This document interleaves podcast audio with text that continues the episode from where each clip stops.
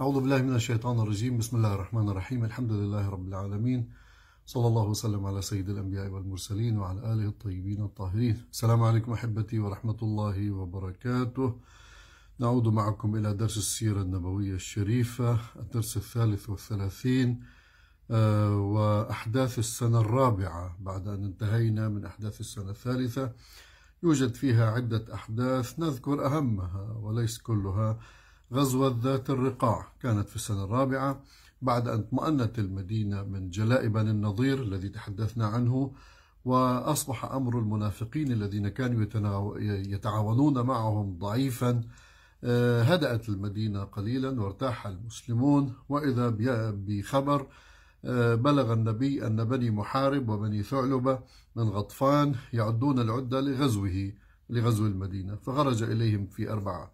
مئة من المسلمين أو سبعمائة الأعداد لا تهم آه، لأن المؤرخين يعني يدخلون في تفاصيل ليست مهمة آه، واقعا. ولما بلغ يعني ذات الرقاع هذا الموضع الذي اسمه ذات الرقاع وهو محل فيها جبل آه، سواد وبياض وحمرة لقي جمعا عظيما من غطفان وقد تأهبوا لحربه واستعدوا لقتاله.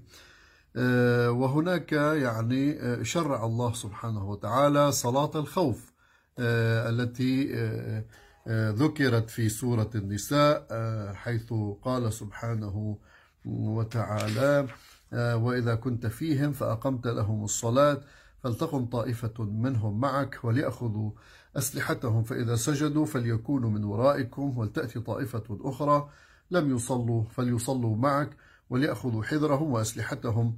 ود الذين كفروا لو تغفلون عن أسلحتكم وأمتعتكم فيميلون عليكم ميلة واحدة. آه، ولا جناح عليكم إن كان بكم أذى من مطر أو كنتم مرضى. أن تضعوا أسلحتكم وخذوا حذركم. إن الله أعد للكافرين عذابا مهينا. طبعا اختلفوا هنا. أنا لست في صدد التفسير. قد مر في درس التفسير لكن اختلفوا كثيرا في تفسير هذه الآية أنه كيف يصلون. الأغلب عند الإمامية أنه آه، صلوا مع رسول الله ركعتين في الركعتين الأوليين و آه، وطائفة منهم يعني نصفهم تقريبا صلى هاتين الركعتين بالتشهد والتسليم ثم قام فجاء آه، المجموعة الأخرى فصلت الصلاة الخوف الخفيفة طبعا التي ليس فيها مستحبات ولا زوائد. صلت ركعتين وهم يحافظون على أسلحتهم. وطبعا هناك الكثير من التفاسير حول هذا أنهم صلوا ركعة واحدة ثم ذهبوا فوقفوا في وجه العدو ثم أتوا الذين كانوا يقفون من خلفهم فصلوا ثم ركعة واحدة ثم ذهبوا ثم عادوا وقضوا ركعة ثانية. هذا رأي. وطبعا آراء أخرى. آه، يعني آه، لا تهمنا كثيرا. المهم أنه صل يعني شرعت هذه الصلاة آه، في هذا الوقت في هذه الغزوة. وطبعا ما ذكر المسلمون أنه صار حرب بين الطرفين. يعني في هذه الغزوة لم يحصل هناك معركة على الإطلاق. سوى واحد من المؤرخين يقول ابن سعد في طبقاته فقد جاء فيها أن النبي مضى في طريقه حتى انتهى إلى محلاتهم فلم يجد بها آه، غير واحد يعني لم يجد بها غير النسوة فأخذهن وفر الرجال والأعراب إلى رؤوس الجبال. ما صار معركة لكن النبي آه، كما يدعي ابن سعد في طبقاته ولم يدعي غيره ذلك آه، جاء إلى مضاربهم فلم يجد إلا النساء والأموال فأخذ النساء سبايا و أخذ الأموال. طبعا أنا قلت لكم سابقا وأكرر دائما أنني لست مع السبي وهذه فكرة يهودية بامتياز وأيضا عربية بامتياز. يعني آه، هكذا كان بنو أمية وهكذا كان حتى بعض الصحابة في غزواتهم وفتوحاتهم وهكذا كان باقي الخلفاء من بني العباس وغيرهم.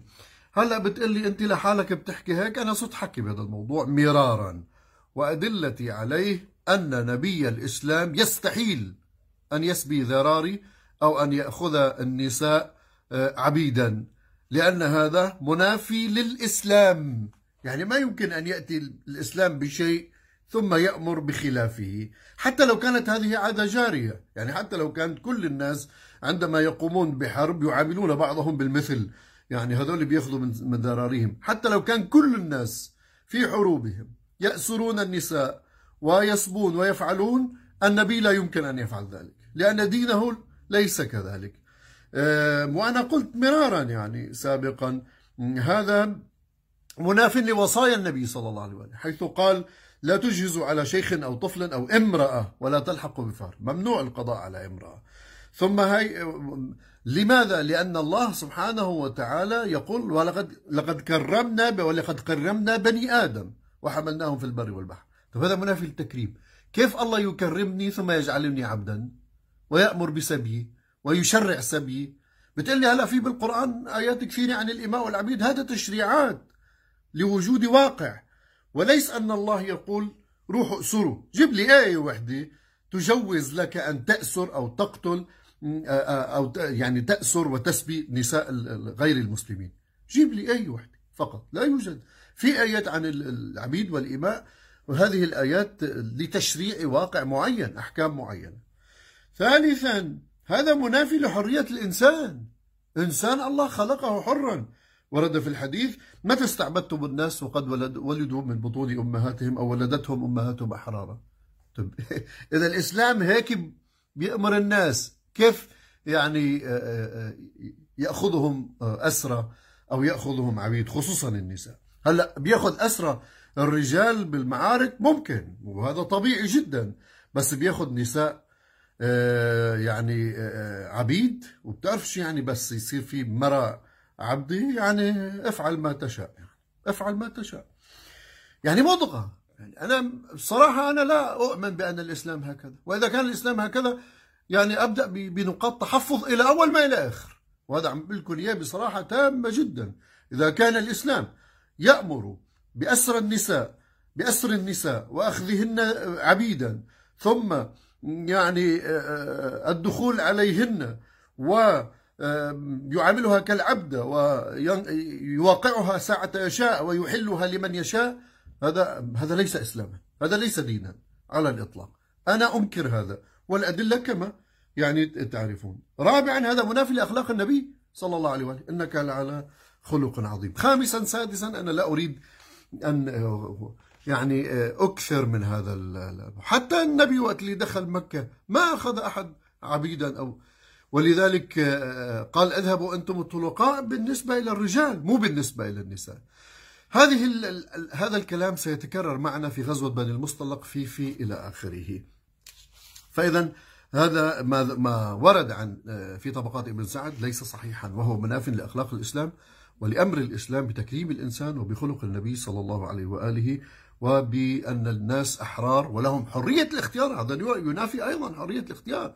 طالما أن الله سبحانه وتعالى يريدني أن أختار دينا باختياري ليش بده يكرهني على الدين وليش بده يكرهني على هيك تصرفات؟ على كل حال. آه، أيضا في هذه الغزوة قالوا التي لم يحصل فيها معركة آه، قالوا أن رجلا من من غطفان واسمه يعني كما ورد في كتب السير غورث بن الحارث المحاربي. قال لأصحابه ألا أقتل لكم محمدا؟ قالوا بلى. فحضر عند النبي صلى الله عليه وآله وقال يا محمد أريد أن أرى سيفك. وكان هذا يعني محل سيفه بالفضة كما يدعون. وقد وضعه النبي على ركبتيه فدفعه إليه فأخذه واستله ثم جعل يهزه ويهم بضرب النبي ويكبته الله. ثم قال يا محمد ألا تخافني؟ فقال النبي لا, أخاف لا أخافك فإن الله يمنعني منك. ثم إن الرجل رد السيف إلى غمده وأعطاه للنبي فأنزل الله. وبعضهم قال في حركة معينة استطاع النبي أن يأخذ هذا السيف. طيب هذه الحادثة لا يمكن أن أقبلها على الإطلاق وهي مشابهة لحادثة أخرى. أول شيء النبي ظاهر بغزوه لقتال المشركين وهم يريدون قتله هذا يريد أن يقتل النبي. صلى الله عليه وآله. فكيف يكون لوحده ولا يتحرز؟ وأين أصحابه؟ أين عيون أصحابه؟ وين بعيد عنهم؟ أين ذهب؟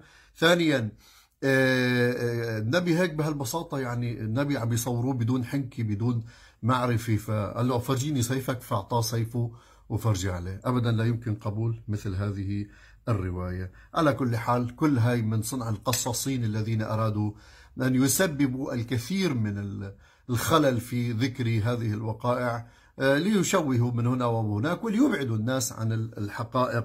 فما أكثر الحوادث التي ذكرت ودونت في كتب السير وعند المؤرخين وهي خاضعة لسيطرة الحكام وخاضعة لسيطرة تلك الأقلام المأجورة والمشبوهة. كذلك في سنة بدر في سنة الرابعة حصلت هناك غزوة بدر.